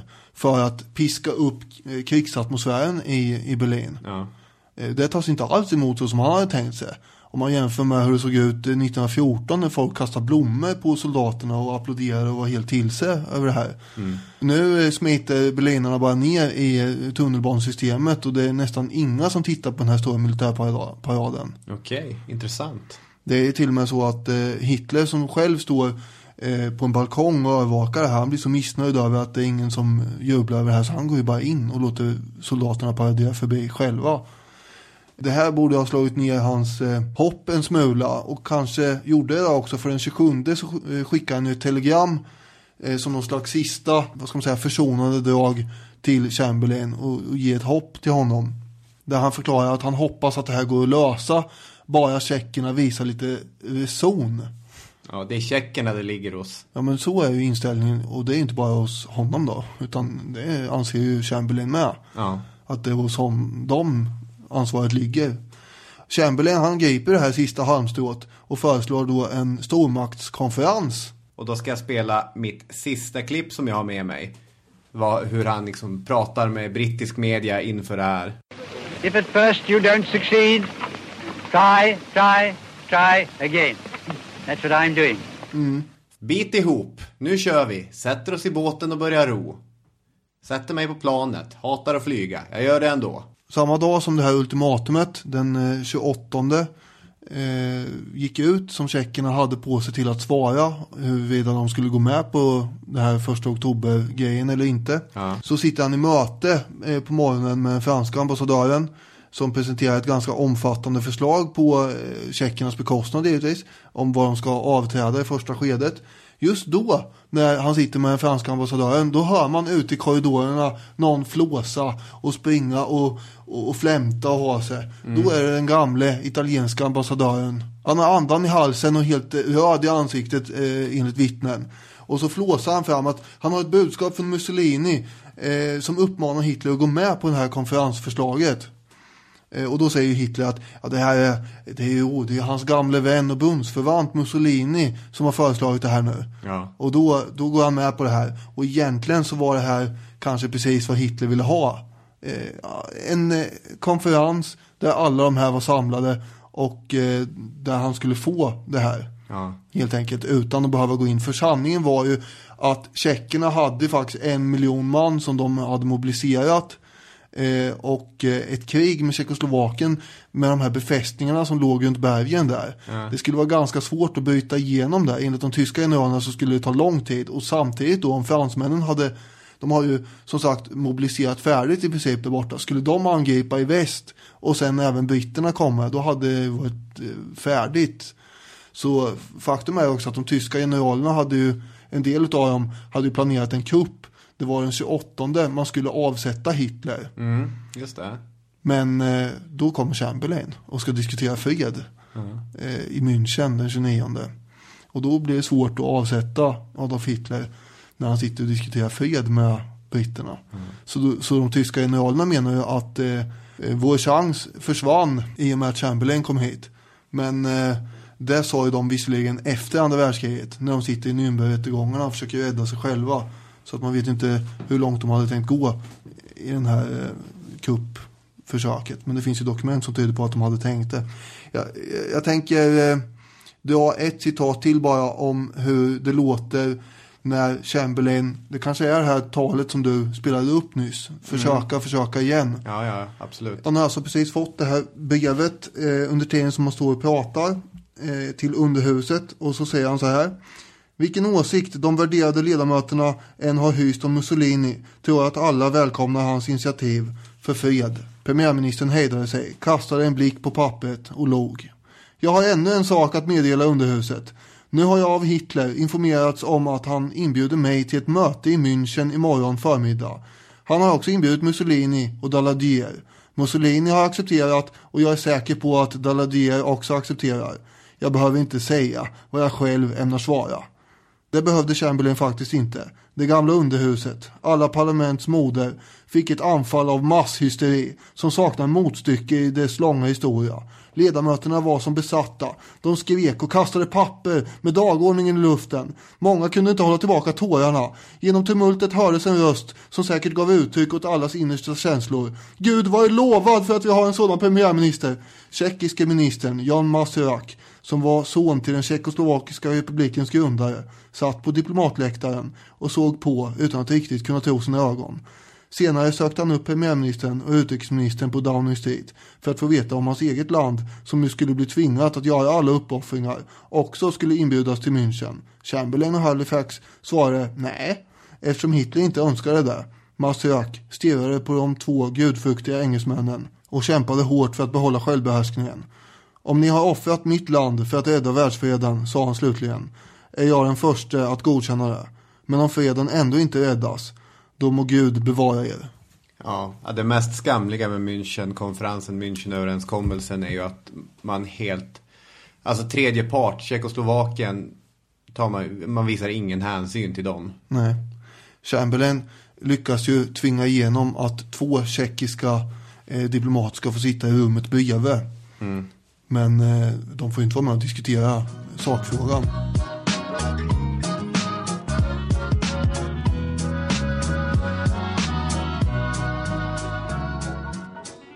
Och det mötet eh, flyter på ganska smidigt förutom att Hitler är lite tvär. Han är den enda som inte förstår eh, franska och eh, engelska mm. utav dem. Och så skriker han ju också lite grann på Chamberlain att vi har inte tid att prata om eh, några tjeckiska kor, vart de ska gå eller inte. Och till slut så eh, accepterar ju alla de här de tyska förslagen för det är ju faktiskt egentligen tyska förslag som dock läggs fram av Mussolini. Mm. Så eh, Chamberlain och den franska presidenten kan ju en, åtminstone Chamberlain ända till sin död ha trott att det var italienska förslag som lades fram. Men är det inte så också att Chamberlain har ju med sig ett eget eh, förslag också, en sorts engelsk-tysk, eh, inte fredsöverkommelse men så intention över att våra, våra nationer mm. ska inte kriga mot varandra som han rycker fram i slutet när Hitler har suttit där och skriker ja, ja. Bara, nu ska vi ta det här och Hitler, absolut, det ska vi börja prata om. men jag har med mig en, bara, let's go to my writing desk and we shall sign it immediately. Ja, det är ju på morgonen efter här. Ja. Han ska ju resa hem egentligen. Eh, men så kommer han på att det vore, här tror jag däremot att det spelar roll, den brittiska opinionen. Mm. För när han åkte iväg till München då hade ju folk buat åt den.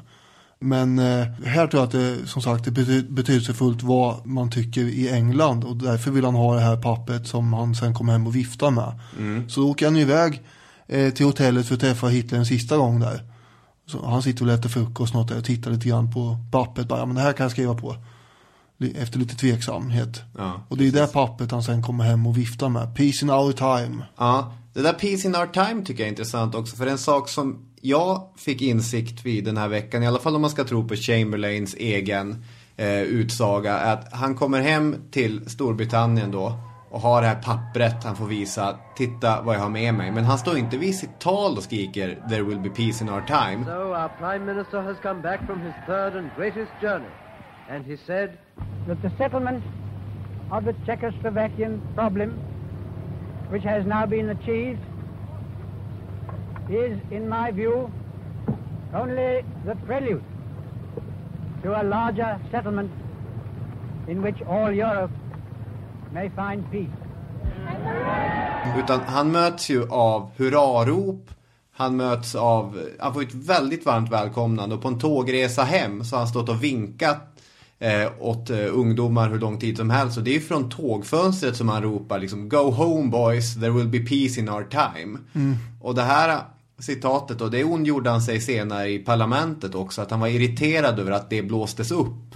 Jag hade aldrig lovat det. Att det var, jag var glad.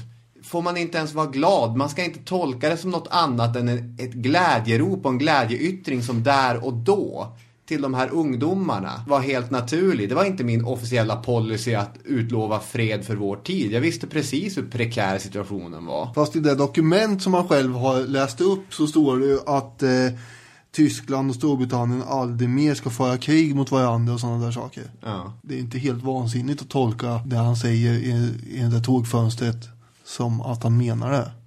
Nej. Nej och det Men visst, det är taget ur sitt sammanhang lite kanske. Ja, lite grann i alla fall. En annan sak som jag tycker är lite eh, uppseendeväckande ändå är ju när eh, tjeckerna sen ska få information, de här två som satt i rummet bredvid, om vad de nu ska förväntas göra. För det vi brydde sig varken Hitler eller Mussolini om att prata om dem om givetvis. Nej, De skulle precis. bara uppfylla det där. Så det följer på Chamberlain och eh, president Daladier och informera dem om. Mm. Och Daladier, han var ju helt nedbruten. Han var ju den som tog det här absolut hårdast av alla. För han visste ju att ja, när man nu sviker Tjeckoslovakien på det här sättet, då är det ingen av de andra länderna i Östeuropa som kommer att kunna lita på Frankrike heller. Nej. Så han, han tog ju det väldigt hårt. Men Chamberlain, han sitter ju bara och gäspar. Han gäspar sig igenom tjeckernas frågor och visar att det här, åh vad jag tycker det här är obehagligt och jobbigt. Och, åh, kan inte, det här är inte så himla intressant. Kan jag inte bara få åka hem till min marmelad? Lite så ändå tycker jag att han har som framtoning. Han, Ja. han gäspar sig igenom det här. Det är så spännande för jag, vi känner så instinktivt olika inför Neville Chamberlain. Alltså jag är helt säker på att han var en, eh, en mycket godhjärtad människa men han var lite för, eh, han var ju för soft här. Ja, alltså med, med facit i hand så kan man inte dra någon annan slutsats. Men jag har svårt att... Nej, så jag tycker objektivt sett, även om det inte hade blivit ett världskrig efteråt, så säljer man ju ut en vän här. Ja. Och eh, ett lands eh, självständighet, man bara ger bort det, eh, som man har tidigare då, i princip framförallt från Frankrikes håll garanterat att eh, vi kommer att hjälpa er i alla krisartade situationer. Så även om eh, det inte hade blivit något världskrig sen så tycker jag att eh, man, man ger ju upp på, på en allierad i princip. Mm, fair enough.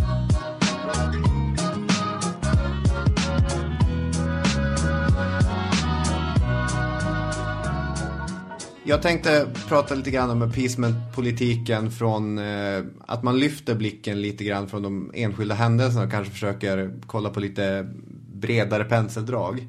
Från maj 1940, då, då är det grejer som händer på Mm. olika ställen. Då börjar hjulen ganska snabbt snurra för att svartmåla alla de människor som på ett eller annat sätt var kopplad till appeasement-politiken. Kriget hade orsakats av ett antal undermåliga politiker som vägrat inse faran i den situationen de befann sig i. Ungefär så gick eh, diskussionen, eller gick tugget. Och ett begrepp som etsade sig fast, det myntades av tre stycken brittiska journalister som skrev utifrån ja, men den brittiska vänsterrörelsen. Michael Foot, Peter Howard och Frank Owen som skrev under aliaset Cato. Och den artikeln då, som, den essän som blir väldigt spridd heter Guilty Men. Som uttryckligen utpekade bland annat Chamberlain, eh, utrikesministern och 13 andra brittiska politiker som just Guilty Men. Och den här boken, den är ganska slarvigt skriven och den innehåller flera olika faktafel. Men den, den blev först ut i en diskurs. Hur, hur letar sig det ordet in? Nu, nu märks att jag läst gammal kurslitteratur igen. Eh, I en typ av allmänt medvetande om, om vad kriget berodde på. Och inom den här äh, diskursen då så ses kriget som ett onödigt krig som hade gått att undvika genom en tidig aktion mot tyskarna. Och det, som jag var inne på tidigare, den absolut vanligaste, det som Winston Churchill själv torgför, är att man skulle ha gått in redan när, när det var renlandet Mm. som eh, angreps, eller som man tågade in i. Flera brittiska historiker, vi kan lista några namn om ni vill det. A.L. Rose, Margaret George med flera. De presenterar den här idén, men den personen som mer än någon annan har slagit fast att eh, det var så här, det är ju Winston Churchill. Men på senare tid så har man, man har granskat appeasement-politiken ganska ingående Och som Alf Johansson skriver att när det gäller modern andra världskrigsforskning så är de flesta historiker nästan mer intresserade av vägen fram till kriget än vad man är i själva kriget. Eh, Så att när arkiven öppnades i Storbritannien på 1970-talet och allting som hade varit hemligt blev tillgängligt. Då började man gräva i det här. Vi prat, jag kommer ihåg när vi pratade om Bletchley Park och de här människorna som hade fått hålla allting hemligt i alla tider. Mm. Och så helt plötsligt en dag, men nu, nu får ni berätta vad ni gjorde. Ja. Alltså hur, hur konstigt det var. Och det, är- det är ju samma process det här, att helt plötsligt så är, får man läsa papperna. Ja, just det. Väldigt, väldigt märkligt. Men den forskningen som har skett sedan 1970-talet, den har börjat nyansera appeasement-politiken som, ja men det finns ju väldigt många olika nyanser av vad man tycker. Vissa ser den som förståelig, vissa ser den som till och med en ganska djärv politik. Den tesen går ut på att det var ingen fred till varje pris-politik som det ibland har pekats på. Snarare så var det en krig under vissa bestämda förutsättningar politik. Appeasement var inte fred till varje pris, det blir ju krig till sist.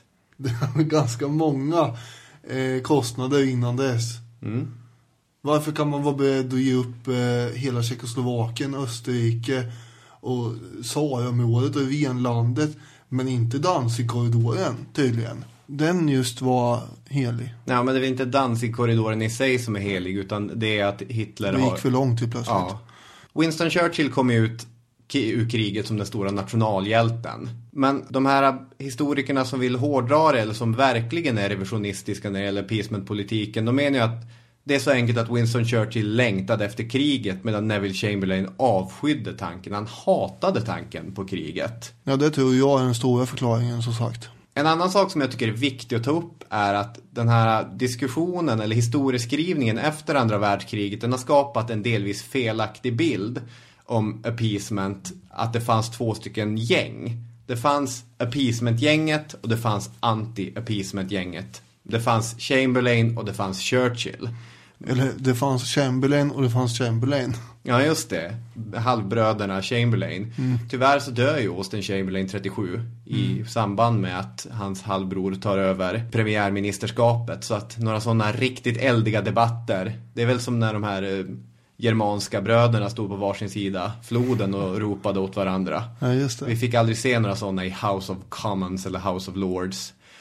Okej, men den här bilden, även om den kanske är väldigt hjälpsam som tankemodell, den representerar inte speciellt väl hur situationen faktiskt såg ut. Alltså om man kollar på några av dem som ofta väldigt tydligt placeras i ändra lägret så de är ju inte renodlade och de agerar olika i olika situationer. Chamberlain som är galjonsfiguren, han sitter först som finansminister under perioden 31-37. Under den perioden är det inte mycket till upprustning. När eh, Tyskland går in i renlandet 35 så har inte Storbritannien, de är inte redo för krig. 36. 36. Nu, du ser, det är årtalen. Utan upprustning, ingen intervention. Men Chamberlain, ja dels, det är klart att han, han avskydde krigstanken, det har vi slagit fast väldigt hårt, men han agerade ju mycket utifrån det brittiska politiska etablissemanget. Alltså, han agerade på det sättet som de flesta ville att han skulle agera. Kungen var för appeasement-politiken. Den folkliga opinionen var väldigt länge för appeasement-politiken. Ja, eh, Churchill är ju väldigt isolerad eh, på sitt hörn. Mm. Om man säger så. När han eh, säger efter eh, Münchenkonferensen att vi har lidit, lidit ett stort nederlag.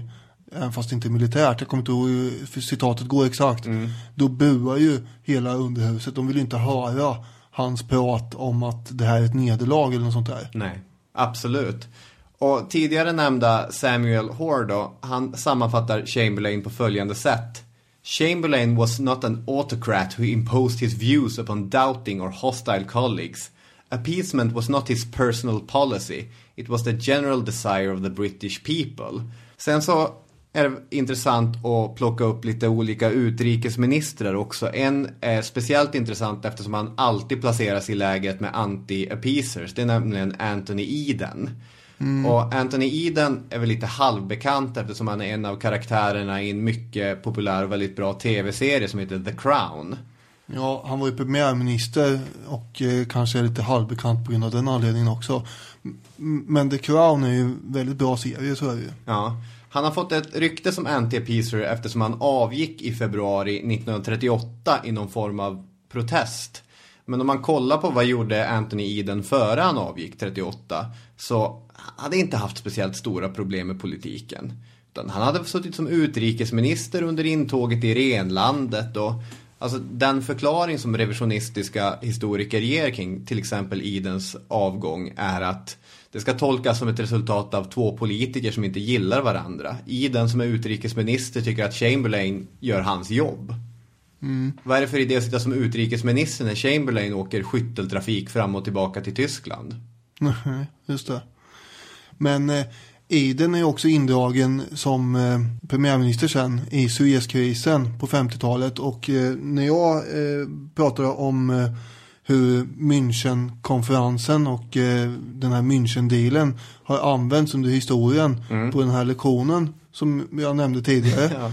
eh, så tog jag upp bland annat det du pratade om, eh, Kubakrisen och LeMays, den eh, amerikanske flygofficeren som pratade om eh, Münchendelen då. Mm. Och inte ville göra någon sån med ryssarna eh, överhuvudtaget. Eh, och så tog jag upp andra exempel som eh, Vietnamkriget, när man också pratar om eh, München i, vissa sammanhang. Vi kan inte låta vietnameserna få ta över hela Vietnam för då är snart kommunisterna all over the place. Dominoteorin, faller en bricka så faller fler. Ja, och, men just eh, det gäller att sätta hårt mot hårt också för att, eh, och så använder man München då från hökhåll eller vad man ska säga eh, som eh, någon form av argument att man måste, man kan inte, man kan inte prata med diktatorer på, på ett resonabelt sätt. Det såg vi hur det gick för Chamberlain. Ja, det. Och det här har ju återkommit även i 2003 med Irakkriget. Då pratar man ju också i den amerikanska administrationen eh, om att Saddam Hussein var en Hitler-typ. Mm. Eh, och vi måste slå hårt mot hårt här. Hela den här utläggningen hade jag på den här lektionen och då, då satt den här eh, brittiske eh, historieläraren och eh, kammade sitt skägg, höll jag på att säga, i sitt hörn och så räckte han upp handen bara Yeah, and the, the Suez Christ also. Ja. Ja, och, och det stämmer ju. För Anthony... Quite right, my good Quite sir. right. Anthony Eden eh, hade ju en eh, diskussion också om det här med Chamberlain. Det gick ju åt skogen och München. Mm. Och när Nasser kom då, eh, nu är många grejer som vi kastar in här. men Nasser var den egyptiske presidenten Ja. som nationaliserade Suezkanalen. Och då gick ju resonemanget i den brittiska regeringen att här har vi nu Hitler minsann, honom kan vi inte prata med överhuvudtaget. Nej. Och så drog man igång Suezkriget 1956 Mm. för att stoppa Nasser då. Ja. Alla de här exemplen görs ju ännu svårare av att 1938 så finns inte kärnvapen. Nej. Det gör det efter andra världskriget också. Ja, just det. Ja. Jag har bara några korta grejer kvar för till och med Churchill, ärke-appeasern. Eh, som- Ärke-anti-appeasern. Ja, precis. Det är viktigt. Antit ska in där. Han skriver ju The Gathering Storm 1948. Den finns filmad i, i pampig BBC-variant när man ser Churchill som står och river i framför House The of war mentality. The war mentality is springing up again. Britain's hour of weakness is Europe's hour of danger. Eh, Och det är där han slår fast sitt rykte.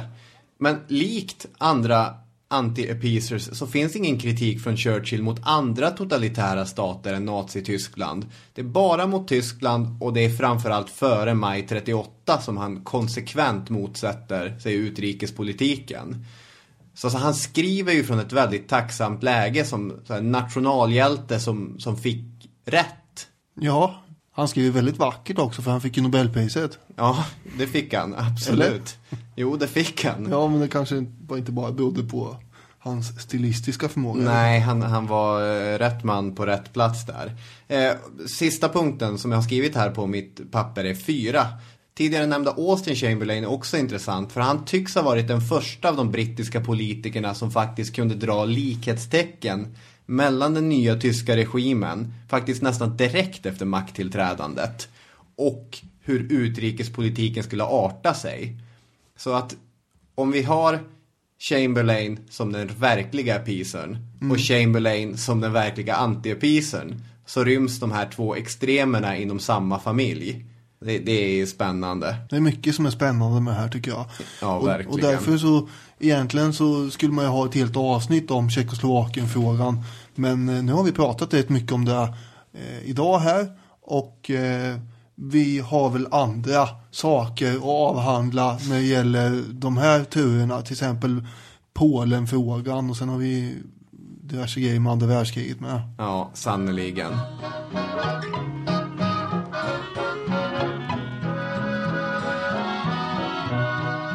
Boom! Det här blev rätt bra. Nu ska vi, men vänta, har, du stängt av? Nej. Vi måste säga hej då, för det gjorde vi väl aldrig riktigt. Nej, just det. Okej. Nu har vi eh, gått igenom mycket här. Ja, vi har suttit här två timmar och 20 minuter och pratat om allting mellan himmel och jord. Och ändå känner jag att vi har glömt massa grejer. Alltså det finns Locarno-pakten. Ja, ska vi dra igång en diskussion om Locarno-pakten när vi ändå är igång här? Nej, jag kan... Ja, jag vet inte vad jag heter. Du skulle aldrig hålla i det här eh, eh, när de sitter i buren. vad pratar du om nu? Ja men de här eh, musikhjälpen. Vilka är det som... Jaha, nej gud nej. Ja, Locarno-pakten i alla fall. det var ju eh, den här eh, pakten som man hade gjort på 20-talet som handlade om att eh, man skulle garantera gränserna mellan alla olika länder. Just det. Men nu ser jag att du håller på att vara trött här. Jag har solglasartad blick hörni. Tack så mycket. Ni kan inte se den men jag känner bara tacksamhet över att ni har lyssnat på det här avsnittet. Det är två härliga avsnitt. Ja, det tycker jag är väldigt dramatiska. Mm. Så med det sagt säger jag tack och Daniel Hermansson säger tack och eh, vi hörs igen nästa söndag. Då pratar vi om något annat. Det gör vi. Ha en eh, strålande vecka. Hej då med er! Hej hej!